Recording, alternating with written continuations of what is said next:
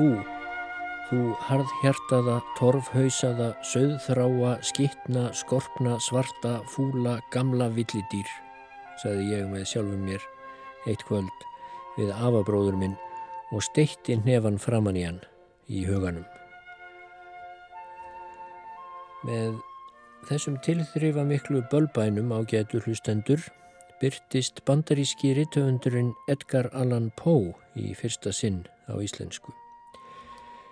Á ensku hljóðar þetta svona You hard-headed, dunder-headed, obstinate, rusty, crusty, musty, fusty old savage, said I in fancy one afternoon to my grand-uncle. Þarna er um að ræða upphafið á sögunni þrýr sunnudagar í einni viku eftir Pó sem byrtist í blaðinu Skuld þann 15. desember árið 1877. Skuld var gefið út á Eskifyrði. Þýðandi sögunar var rittstjóri blaðsins Jón Ólafsson. Hann var þá tilturlega nýkomin aftur til Íslands eftir að hafa fyrst rakist af landinu út af nýðkvæðum og óþægt við stjórnvöld en síðan farið um Norður Ameríku og reynda að vinna fylgi þeirri hugmynd að flytja Íslendinga meir og minna til Alaska.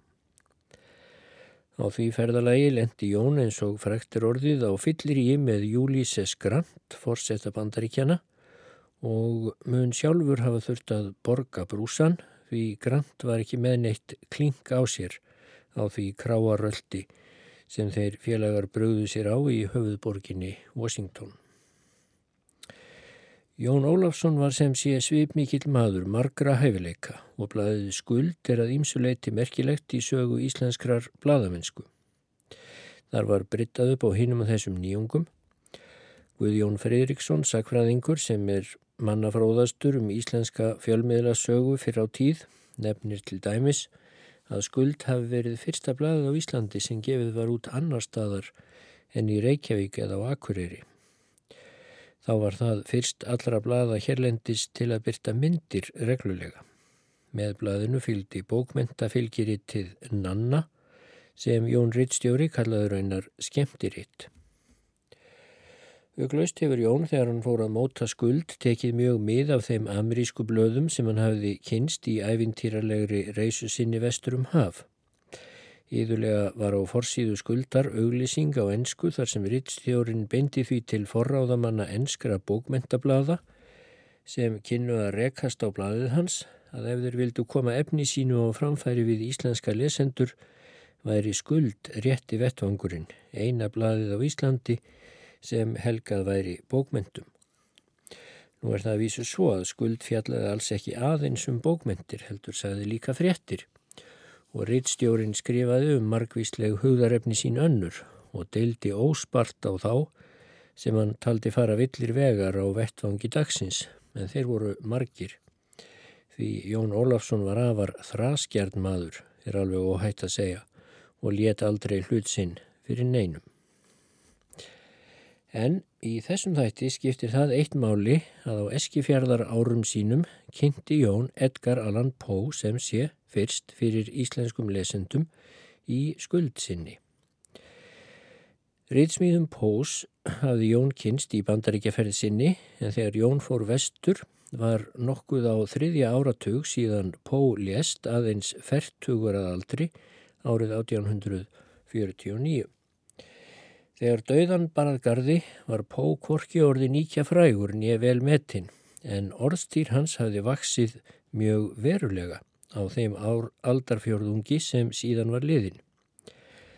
Það voru ekki síst smásögur Pós sem hafði þá sleið í gegn en sjálfur hafðan framann af skaldskaparferlinum fyrst og fremst ætlað sér að verða frækt ljóðskald. Og líklega er það nú þrátt fyrir allt eitt ljóða hans sem er allra frægast sköpunarverka hans.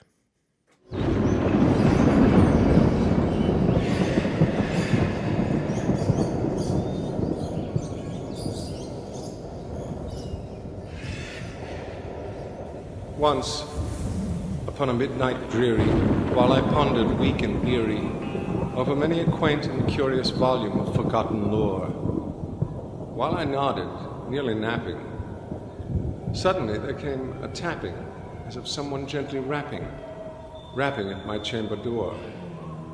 "'Tis some visitor, I muttered, tapping at my chamber door. Only this, and nothing more. Þarna situr sem sagt maður í róliheitum og les gamlar bækur, þá byrtist óurlegur hrappn og ber honum váleg tíðindi.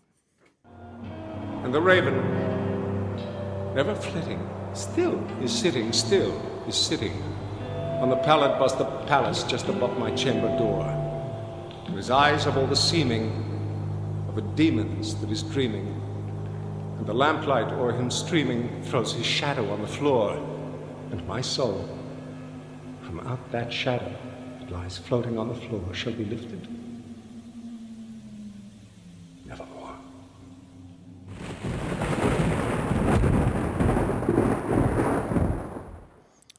Þetta var upphafið og endurinn á hrafninum, ljóði sem Edgar Allan Poe orti seint á sinni stuttu æfi. Christopher Walken las. Hrafnin þykir í sinni dulúð vera lýsandi fyrir það hvernig þá var komið fyrir Pó. Æfi hans var sviftingasöm, róstusöm, átakanleg, ástarkreft og dimm. Þess sér heldur betur merki í verkum hans, bæði ljóðum eins og hrafninum og líka mörgum smásagnana. Annars var Pó í þessum efnum brautriðjandi á ýmsum sviðum. Ekki aðeins nánast ekspressjónískum frásagnarstýl, heldur mótaði hann í sögum sínum bæði leinilögruglusöguna og hryllingsöguna. Þannig að þau form voru ekki söm eftir. Sumir vilja reyndar meina að hann sé beinleinis höfundur leinilögruglusögunar. En á sviði hryllingssagna er heldur ekki víst að hann hafi enn eignast sinn jafnoka. Á slíkum djúbmiðum sálarlífsins öslar hann með netsín. Í þessum þætti og kannski einum tveimur til viðbótar sem þá verða fluttir í óreglulegri röð næstu mánuði eða misseri. Þá ætla ég að rekja æfi pós og lesa nokkrar af þeim smásögum sem komu fótunum undir orstýr hans eftir döðan, bæði í bandaríkjunum og um heiminum og síðan hér á Íslandi, til dæmis á Eskifyrði, þar sem Jón Ólafsson þýtti sögunum þrjá sunnudaga í einni viku með henni mögnuðu bölbæn í byrjun. Ég reynir þá að leita uppi hinnar minnaþektu sögur hans sem til eru á íslensku. Það má líka vera að heyrist eitt og eitt ljóð. En hvað er þá um æfi Pós að segja? Jú, hann fættist í Boston í Massachusetts fylki árið 1809. Hann var sem sé samtíma maður Jónasar Hallgrímssonar og Jóns Sigurdssonar. Jónas fættist 1807 en Jón 1811. Fóreldrar Pós voru bæði leikarar. Móðurinn fætt á Englandi af leikúsfólki en fluttist á barsaldri vesturum haf. Hún hétt Elísa og mun hafi verið fjári góðu leikona. Allavega var hún mjög vinsæl. Og ungur lögfræðinemi sem heitlaði stafinni á hvað að segja skilið við lögfræðina og gerast sjálfur leikari til að geta fyllt henni eftir á þeim stöðugu leikferðum sem ameríst leikhúslíf fólst þá í og gerir vist ennað einhverju leiti. Þessi ungi maður hétt David Poe. Hann var af írsku foreldri en fættur í hennum nýju bandaríkjum. Þau Poe og Elisa eignuðust sónin Henry 1807, svo Edgar 1809 sem fyrir segir. Hann mun hafa fengið nafn af personinni Edgar eða Játgeiri úr leikriti Shakespeare's Lía konungi sem þau voru bæði að leika í um það leiti sem hann kom í heiminn. Annars þurftu leikararnir í þá daga að kunna tugi og jafnvel hundruð hlutverka því sífelt var flakkað milli borga og settar upp ný og ný leikrit, aftur og aftur og þegar hverjum hring lauk var komin tími til að byrja upp á nýtt. Þegar þarna var komið sögu voru bandaríkin aðeins 30 ára gömul, aðeins farin að tegja sig inn af ströndum Norður Ameríku og einn á výðernin þar sem æg meira land erði brátt hrifsað af indjónum.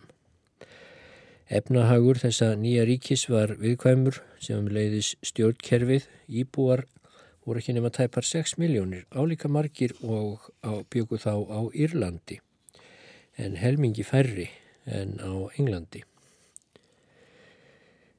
Leikarar fengu Ídlaborgað og þetta var erfitt líf. Sýnirnir Henry og Edgar voru gerðnan í pössun hjá föðurafa sínum og ömmu í Baltimore þegar foreldrarnir voru á leikferðalögum. David Poe gerðist fljótt þungbrindur mjög. Hann nöyt ekki sömu vinsælda sem leikari og kona hans. Hann var líka drikkveldari en góðu hófi gengdi. Og árið 1810, rétt eftir að hjónin höfðu eignast dótturuna Rosalie, þá kvarf David á brott og engin veit hvað á hann varð. Það spurðist einfallega ekkert til hans framvar. En aðeins ári síðar lág Elísa fyrir dauðanum af berglum. Vinir hennar settu auglýsingu í blöð þar sem þeir báðu fólkum að leggja henni lið í síðasta sinn með því að taka að sér börnin hennar. Elísa dó svo í desember 1811.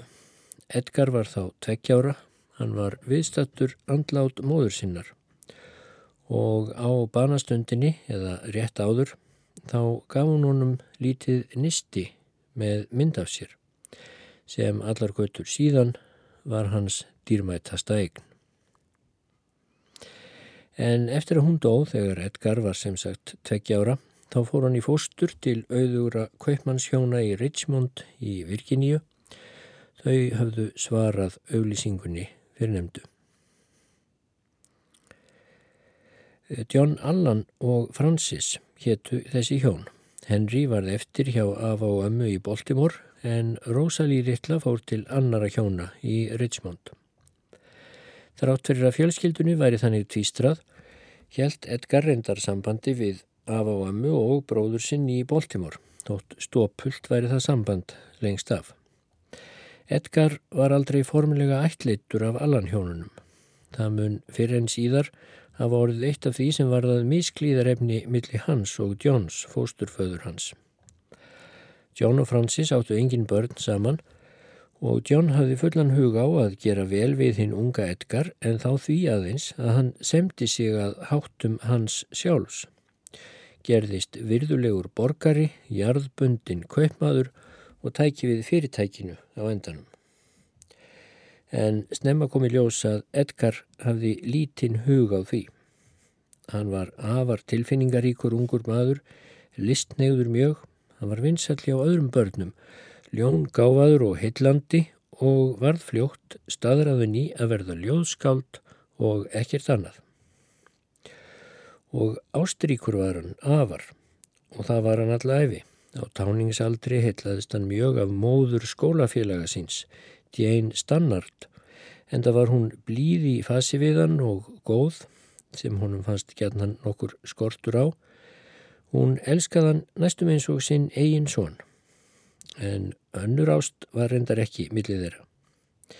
En Jane Stannard dó eftir að hafa fengið heilaæksli 1825 þegar Edgar var 16 ára. Hann var óhuggandi lengi.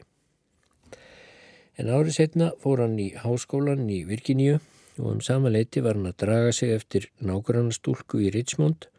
Hún hétt Elmíra, kannski voru þau trúláfuð, það er ekki alveg á hreinu, en fadir Elmíru þvert tók allavega fyrir að dótturinn fengi að giftast munaðleysingja og leikara síni. Þóttan ætti kannski í vændum arf eftir John Allan.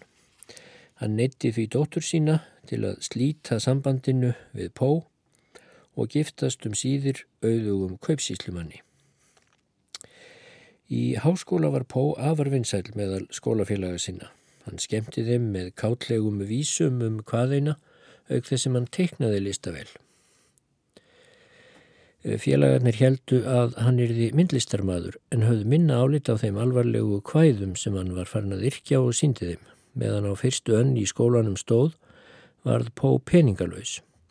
Allan hafði ætlað að láta reyna á hvort hann kynni með peninga að fara og leta hann því hafa lítinn farareyri sem fljóttur hann út. Aug þess lendi Pó í skuldafeni vegna spilaskulda. Allan borgaði skuldir hann sent og með semingi en Pó varð að hætta námi. Hann fór þá að vinna hjá fyrirtæki fósturföður síns en þóld ekki skrifstofuvinnuna sem honum var ætluð og eh, samband hans og þeirra fósturfeðka varð æverra. Ekki bætt úr skák að Francis Allan var orðin veik og gæt lítið beitt sér í málinu en hún hefði alltaf verið Pó góð. Pó hættalokum í vinnu hjá Allan og varð að sjá um sig sjálfur.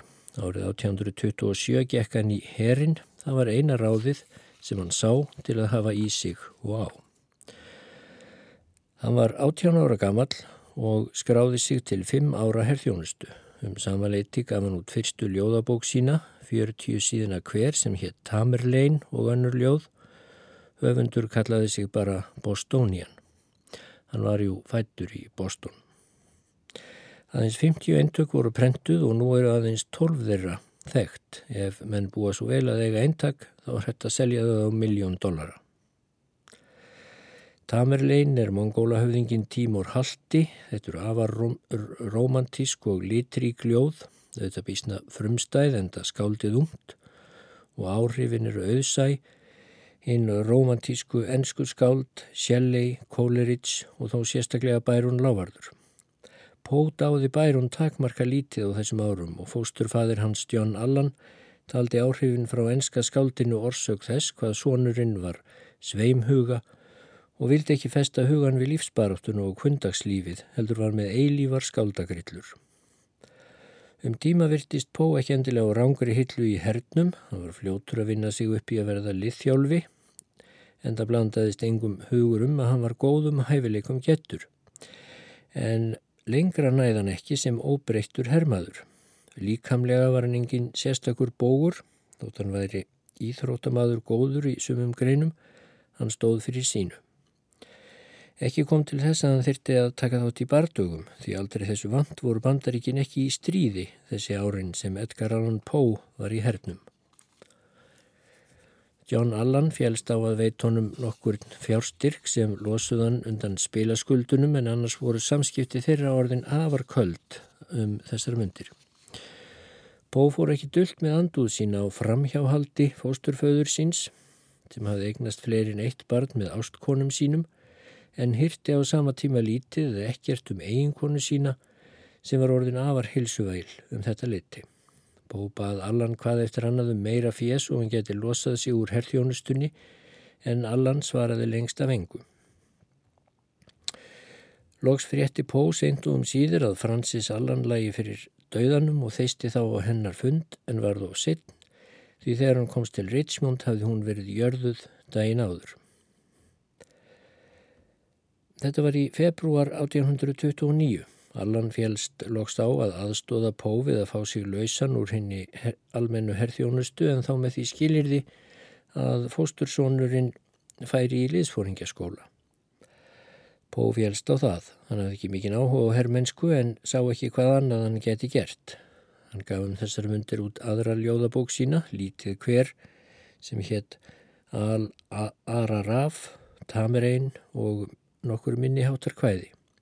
Þetta voru sumuleiti sömuljóðu í fyrirbókinni en ekki vakti útgáfa þessi mikla aðtíkli. Sumarið 1830 hófan nám við lísfóringjaskólan West Point. Hann komst fljótt að því að þar hafa hann gert mistök. Hinn strángi ægi skólan sátti engan veginn við hann. Hann gæti hins vegar ekki hætti í skólanum fyrir var að laust nema borga fyrir það og það fjö átt hann ekki. John Allan þóði nú endanlega hendur sínar af honum og Pó grétt það svo sem þurrum tárum.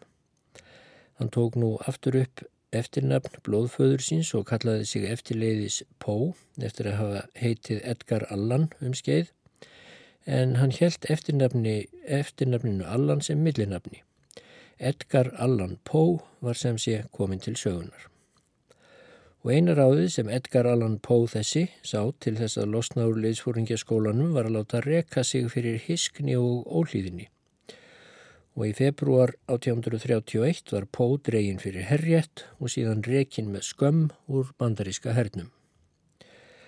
Hann fór þó ekki alveg slipur og snauður frá West Point því honum hafði tekist að sapna fjö meðal skólabræðra sinna til að gefa út sína þriðju ljóðabók. Hann hafði gætnan skemmt þeim með háðslegum vísum um kennaranna og herfóringjana við skólan og þeir munu hafa talið strákarnir að ljóðabókin sem hann ætlaði að gefa út og fekk þá til að kosta útgáfa á yrði samsapn af slíkum skemmtivísum. En í bókinni sem nefndist Poems of Edgar A. Poe reyndust svo vera aðeins sex nýljóð auk tvekja eldri og sem fyrr voru þetta dramatísk kvæði um ástir og örlög og munu liðsfóringefnin og aðstandendur þeirra að sögn hafa talið sig illa svikinn af skáldinu því þar voru engin grínkvæði. Meðal kvæðana í þessari þriðju bók er hið fyrsta sem talið er í hópi veigameiri kvæðapós. Það er ástarjáttningin To Helen sem reyndar er orti minningu Jane Stannard. Helen Thy beauty is to me like those Nicean barks of yore that gently o'er a perfumed sea the weary, way-worn wanderer bore to his own native shore. On desperate seas long wont to roam, thy hyacinth hair, thy classic face, thy Naiad airs have brought me home to the glory that was Greece and the grandeur that was Rome. Lo, in yon brilliant window niche, how statue-like I see thee stand, the agate lamp within thy hand. Ah, Psyche, from the regions which are holy land. Pó flutti nú til Baltimore, þar sem föðuramma hans bjó í litlu en þokkalegu húsi og Henry bróður hans. Þar bjó líka Franka Pós, Marja Klemm á samt 8 ára gamli dóttur sinni Virginíu. Þau Pó og Virginíu eruðu miklir vinnir. Spjalluðu mikið saman og skemmtu sér við leiki og gönguferðir. Segir meira af þeim kunningskap síðar ef ég held þessu áfram.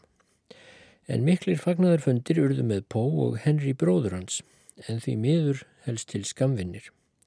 Þeir höfðu alltaf haldið sambandi sem fyrir sagði og óumdelt er að Henry hafði mikil áhrif á bróður sinn. Þeir verðast hafa verið ansi líkir, miklir tilfinningamenn sem vöktu aðtikli hvar sem þeir komu. Henry hafði farið á sjóin og sögur hans af sjónum heitluðu bróður hans sem átt eftir að þeir nýta sér þær rækilega þegar framliðu stundir. Henry fegst líka við að yrkja ljóð og hafði byrt eitthvað af því tægi. Ljóð hans verðast hafa verið mjög áþekk ljóðum yngra bróður hans og í fáinum tilfellum kunna þeir að hafa unnið saman að einhverjum ljóðum.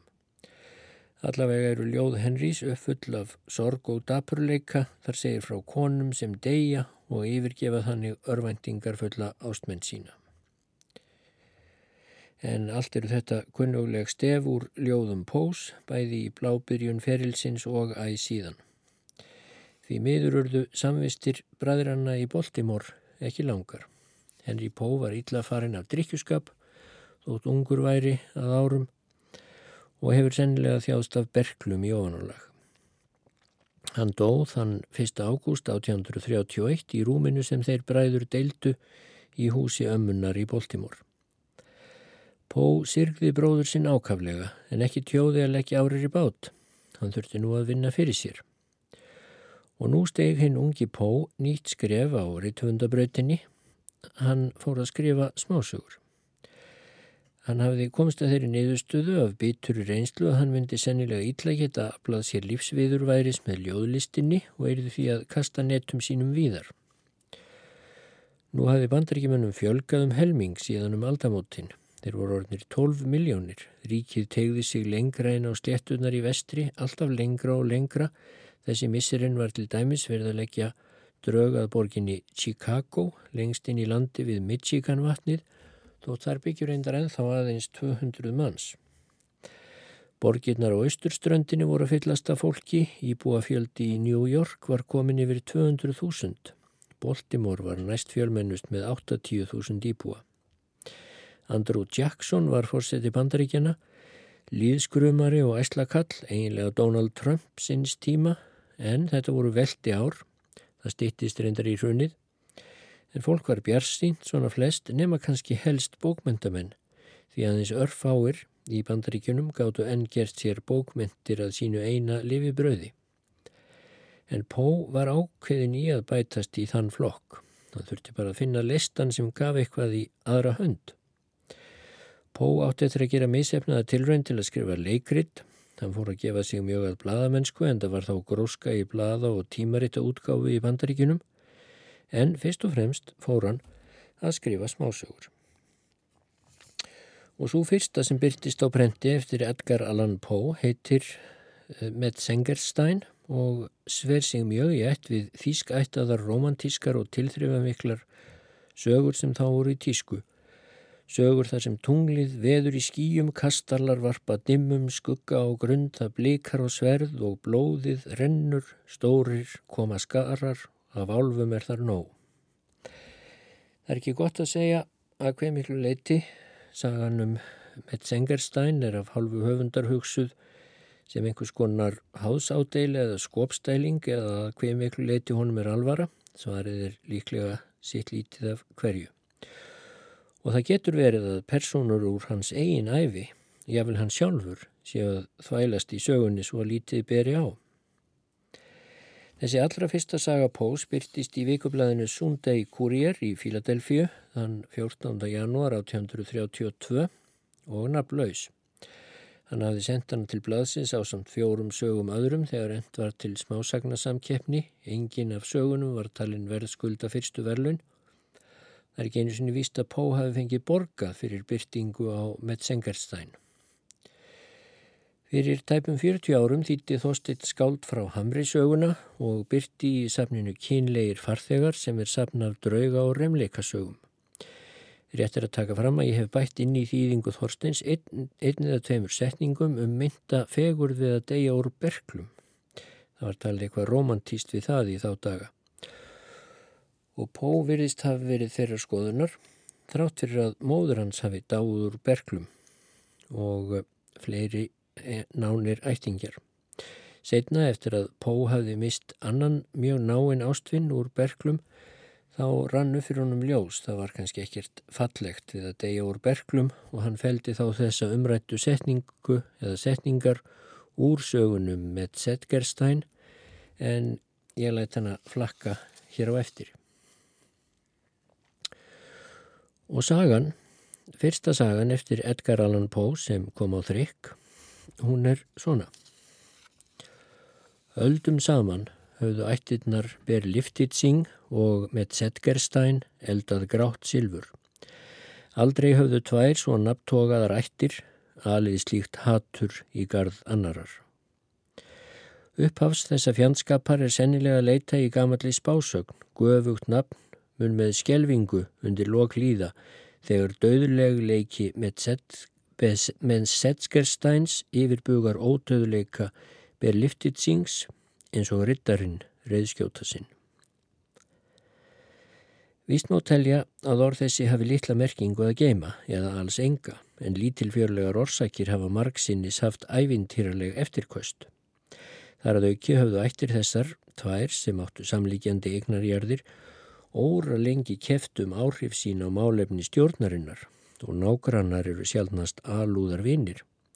Íbúar Kastalans ber Liftitsings gáttu hort úr turngluggum sínum innum gluggana á höllinni með Sengerstein. Allt þetta hefðarskraut sem þar gatað líta var sístaföllu til þess fallið að læja æstar öldur tilfinningana hjá Ber Liftitsing sem var yngri ætt og mun snöyðar eða veraldar gæðum. Það var því ekki undarlegt og einföld orð hinnar gömlu spásagnar heldur lífi í haturs eldi tvekja ætta sem höfðu veigamiklar orsakir til fjandskapar fyrir.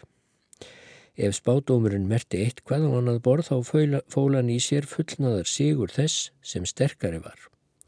Af þeim sögum vakt hann að sjálfsögðu andúð og ímugust þess sem auðmari var og atkvæðaminni. Vilhelm Berliftitsing greifi var þrátt fyrir guðvugt ætterni hálf rugglað og örvasa gamalmenni þegar þessi saga gerðist. Hið eina sem vakti á honum nokkra eftirtekt var rótgróin og ákvöf andúð hans í gard nágrannans. Svo og slík ástríða til reyðmennsku og veiða að korki helsubrestur, hrumleiki, nýjelli gáttu aftráðunum frá því að halda daglega í hinnar háskalegustu veiðiferðir. Fredrik Metzengerstein, barón, var hins vegar ekki fullveðja að aldri. Fadir hans hafði andast ungur og móður hans Mary barónessa skömmu síðar úr Berklum. Það er vegur sem ég vonast til að fylgja. Ég óska þess að allir sem ég elska falli fyrir þessari ljúfu veiki. En Fredrik var átjón vetraðaldri þegar hér var komið sögu. Af sérstökum ástöðum í sambandi við forræði föðurins erfði hinn ungi barón með Zetgerstein stórfældar eignir milliliðalust af honum látnum. Það var ofinnilegt að ungverskur aðalsmaður ætti svo miklar eignir. Þeirra á meðal voru óteljandi hallir en þeirra stærst og príðilegust var höllin með Zetgerstein. Takmörk eigna hans urðu aldrei líðum ljós en Hallargarðurinn einn var 80 kilometrar að ummáli. Þegar svo ungur maður sem engin vissi hvaða kosti hafði til að bera hlauti arf slík ógrinni fjármuna veltust fáir í vafa um en lifnaðrætti hans þegar tímar liðu fram. Honum auðnaðist líka á þremur dögum að hegða sér þannig að það tók öllu óhófið fram sem menn höfðu ímyndað sér. Bligðunarlaust svall Svívirðileg vélræði og ótrúleg nýðingsverk færðu hinn um óttasleiknu lénsmönnum heim sanninum það að engin hæversk undirgefni af þeirra hálfu, hvað þá hefði minsta samvinskubitt af hans hálfu, myndi í framtíðinni veita þeim vernd fyrir greipilegum viktönnum þessa litla kaligúla. Að kvöldi hins fjórðadags stóðu hesthúsin við höllina Berliftitsing í björtu báli og íbúar byggðarlagsins voru samála um að nú mætti bæta einum óheyrilegum glæp á hérna löngu ílverka skrá barónsins með Sengerstein. En í miðju óðagotinu sem bruninn Olli þá satt aðvalsmaðurinn ungi að þeir virtist í þungum þöngum í stórum auðum sal í höllinni með Sengerstein. Hinn glæsti en fölnaði glitvefnaður á veggjunum hafði að geima hátignarfullar og skuggalegar myndir af ótölulegum skara nafntógara forfeðra. Hér gata líta klerka og kennimenn, gletta í safala, í alúðar samræðum við einvalda og fursta. Hér letu þeir bannfæringuna dinja á hinnum veraldlegu drottnurum eða heldu í skefjum samkvæmt pávalegri tilskipun, vélræðum versta óvinnar kirkjunar. Hér mátti sjá hávaksna og dökkleita með Sengerstein fyrsta ríða tröllauknum stríðshestum yfir hauga af líkum. Hörkuleg andlit þeirra komu hugdjörfustu konum til að blikna og indislegar kvenverur svifu eins og svanir í dularfullum dansi eftir tónum frá ímynduðum strengja hreimi. En á meðan barónin hlustaði eða virtist hlusta á hérna ákaufu háreisti frá hesthúsum Berliftitsings eða braut heilan um ný og klækjafull ílskubröð, þá rakka nú vart augun í heljarstóran hest og eðlilega litan sem einnig var þar að finna í glitvefnaðinum. Eftir því sem sagt var hafði hestur þessi verið í eigu serkjan okkurs, forföður erðafjandana á Berliftitsing. Hesturinn stóð óhakanlegur í forgrunni meðan rittarinn í baksín sem fallið hafði úr söðlinum var lagður í gegn með sverði úr eigu með Sengerstein. Meinlegt glott fórum varir með Sengersteins greifa þegar það rannu fyrir honum hvert augnaráð hans hafði reykað. En hann fluttið ekki úr stað. Hann held áfram að stara á hestin í vefnaðinum, þótt hann af óskiljanlegum sökum yrði heltekin yfir þyrmandi órósemi. Það var eins og svört hula hefði verið dreyin yfir skilningarvit hans og í þessu drömkjenda og dularfulla ástandi vissan naumast hvort hann vakti eða svaf. Því lengur sem hann starði þeimun megnari urðu þessir töfrar og að samaskapi reyndist honum ófært að slíta augun af hestinum á glitvefnaðinum. En þegar háaðin úti fyrir jógst skindilega neytti hann ítrustu krafta til að horfa í rauðan eldspjarman á glugganum. Ekki leið þó löngu áður en augnaráð hans kvartlaði aftur að vegnum. Hann sá nú sér til mikillar skjelvingar að höfuð hins tröllaukna hests í vefnaðinum hefði skipt um stellingu. Áður hafði skeppnan drúft höfði yfir hinnum helsærða rittara eins og í djúpri sorg. Nú risti hún höfuðið í áttina til barónsins.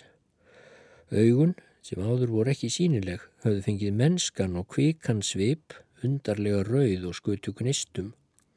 Hesturinn beraði hræðilegar tennurnar í hálfopnum kjaftinum, hann var auðsjáanlega hamstóla.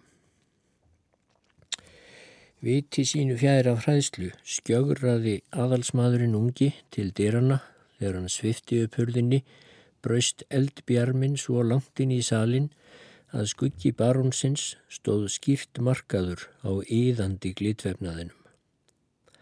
Hann riðaði og leitaði stuðnings við dyrastafinn. Þá sá hann, sér til undrunar, að skuggin fjall nákvæmlega inn í útlínur hins miskunarlösa og sigur stolta banamanns serkjans. Til að létta á þjökuðu hugarástandi sínu raðaði með Sengerstein barón sér út undir Bertloft. Við hlýðir gekk hann fram á þrjá hestasveina sem börðust upp á líf og dauða við að binda risavaksinn hest, loga rauðan, að lit. Hver á þennan hest? Hvar hafið þið fundið hann? spurði aðalsmaðurinn ungi háseri og gjallandi röttu þegar hún var ljóst að þessi olma skeppna var lifandi eftirmynd hestsins á glitfefnaðinum. Íðar náð á hestin, svaraði einn hestasveinuna, að mistakosti hefur engin annar gert tilkall til hans. Við handsögumuðum þennan hest þegar hann kom æðandi sem vitstóla væri frá brendu hesthúsunum á Berliftitsing. Við heldum að hann tilhyrði áhöfn gamla greifans og snýrum honum tilbaka en hestasveinarnir þar konnuðist ekki við hann og má það merkilegt heita því hann er með greinileg bruna sár.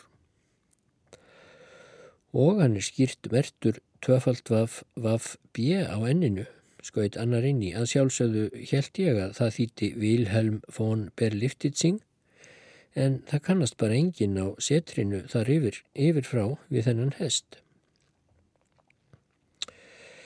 Furðulegt, saði barónin ungi út í bláin eins og hugur hans hefði dvalið í óra fjarska.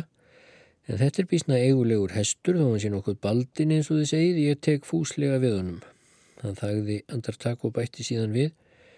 Vera má að rittari á borð við Fredrik von Metzengerstein geti hamið djöfulinn úr hesthúsum Berliftitsings. Íðan náð skjáttlast hesturinn er ekki úr eigu greifans, það hef ég þegar sagt, væri svo hefðu við aldrei dirfsta ónáða yður náð að þessu tilipni. Hyggilega mælt svaraði barónin þurrlega í sama bíli kom Herbergisveitn þjóttandi frá höllinni með ótta og ofbóði. Í halvum hljóðum tilkynnti hann húsbónda sínum undur mikill sem gerst hafði. Glit vefnaðar pjalla var horfin úr vissu herbergi. Því miður var hann svo lámaltur að forvittnir hestasveinarnir fóru varhluta af nánari atvikum. Þegar á samtalið leið endur speikluðust ótal kendir í andliti barónsins. Hann helt á stillingu sinni og skipaði svo fyrir að umrættu herbergi skildi læst og líkillin afhendur sér. Hafið þér heyrt að sá gamli veiðigarpur ber liftið syng er döður, spurði einn af þegnum barónsins þegar herbergisveitnin var farin og gæðingurinn mikli tók undir sig stökk í hamslausu æði og hljóp eftir trjágöngunum millir hallarinnar og hesthúsana. Nei, það barónin og snýri sér í skyndingu að manninum. Sagður þau döður? Já, eða náð, svo er raunin og mig grunnar að þessi fregn muni vel þegin brosi brá fyrir í andliti barónsins. Hvernig dó hann? Já, hann var svo fípldjarfur að ætla að bjarga bestu veiðihestum sínum en fórst í eldinum fyrir bragðið. Í alvöru, rópaði barónin eins og staðfesting ákveðina grunnsemta væri að renna fyrir honum. Já, í alvöru, sögðu þegnar hans. Skelvilegt, sagði ungi maðurinn rólega og gekk þegjandi inn í höllina. Upp frá þessum degi urðu auðsæjar breytingar á hinnum svalsama unga barón Fredrik von Metzetgerstein. Með hegðun sinni brást hann allra vonum. Hann brást mæðurum sem áttu ekki afvaksta dætur og máski ennfrekar aðalsfjölskyldum í grendinni sem höfðu talið sig í ætt við hann og líðið önn fyrir siðspilt líferni hans. Hann kom aldrei út fyrir landaregn sína og samneitti engum, nema ef nefna skildi hinn óstýriláta eldrauða hest sem hann reið út að jafnaði og eftir vil af því með einhverjum dullarfullum hætti gerst vinur hans. Þó lindi ekki heimbóðunum frá fólki í grendinni. Vill barónin heidra okkur með návist sinni. Okkur væri ánægja ef barónin kemi með okkur að veiða villisvín. Nei, Metzengerstein fer ekki á veiðar eða Metzengerstein hafnar þáttöku. Þannig voru svörin, þóttafull og stutt í spuna. Þessar sí endur teknum móðganir Katinn Drembilátti háaðall ekki sætt sig við. Himbóðinn urðu því færri og fálegri og lögðist loks nýður með öllu. Ekja hins ólánsama greifa per liftitsings let þó í ljós vonum að barónin neittist til að vera heima líka þegar hann vildi ekki vera heima fyrst hann drap hendi við bóðum jafninga sinna og riði út þótt hann kerði sig hverki um útreyðar úr því hann kaus fremur samvistir við hest. Auðvitað var þetta skraf heimskuleg afleiðing af eh, arfteknu særðu stolti og síndi einungis hver ótrúlega vittleysu við látum stundum út úr okkur þegar við ætlum einmitt að vera óvenju skilmerkileg í tali. Hinnir góðgjarnari álitu þó að breytt hegðun hins unga aðalsmanns ætti rót sína að rekja til harms hans eftir foreldrana. Þeir glemdu bersýnilega alveg hver villimannlegt síðleysi hann hafði þegar sínt í fari sínu eftir þann hörmulega missi. Aðrir höfðu orði að sjálfsálit sem jáðraði við mikilmennsku brjálæði réði gjörðumans og enn voru þeir, þar á meðal læknir fjölskyldunar, sem töluðu um sjúklegt þunglindi og meðfætta veiklun. En meiri hluti fólks hafði uppi skuggalegar dilgjur af tvíraðra tægi. Óeðlilegur hugþokki barónsins til þess sem nýjast var í hesthúsinu, hugþokki sem bersínlega magnaðist við hverja nýja lindisengun sem kom í ljós hjá hennu vilda og djöful magnaða dýri, var í æríkari mæli skoðaður sem öfu og andstíkileg físt, jáfnvel af grindu fólki um hábjartan daginn í niða myrkri nættur í stillu sem stormi satt með Setgerstein hinn ungi líkt og limdur við söðurinn á hinnum risavaksna reyðskjóta sem var getur ótömdu og ofsafengnu lunderni eins og hann sjálfur. Ímislegt í sambandi við það sem síðar gerðist varpaði leindardómsfullum bjarma aðstæðjandi hörmunga yfir hinn óða reyðmann og sjálfan hestin. Hann stökk í einu stökki svo langt að það tók öllu fram sem fólk með æsilegasta hugarflug að ímyndað sér en hafði barónin ekki gefið dýrunu nafn þótt allar skeppnur bæru þar nafngiftir hver við sitt hæfi. Hesturinn var á gjöf allangt frá öðrum hestum og að því er varðaði umsjá hans og hyrðingu árætti engin að koma nálatónum nema eigandin. Þess ber einnig að geta að enginn hinn að þryggja hestasveina sem höfðu handsamað skeppnuna með tilstyrk snör og beistlis þegar brunin varð á Berliftitsing gat með góðri samvisku svarið að þeir hefðu raunverulega snert hestin við það tækifæri eða nokkur sinni síðar. Það jafnaði vekja ákafir skapsmunir fjörum mikill að gæðinga enga sérstaka aðtikli en þessi skeppna hafði svip sem skefldi jafnvel þá tómlátu og evagjörnu.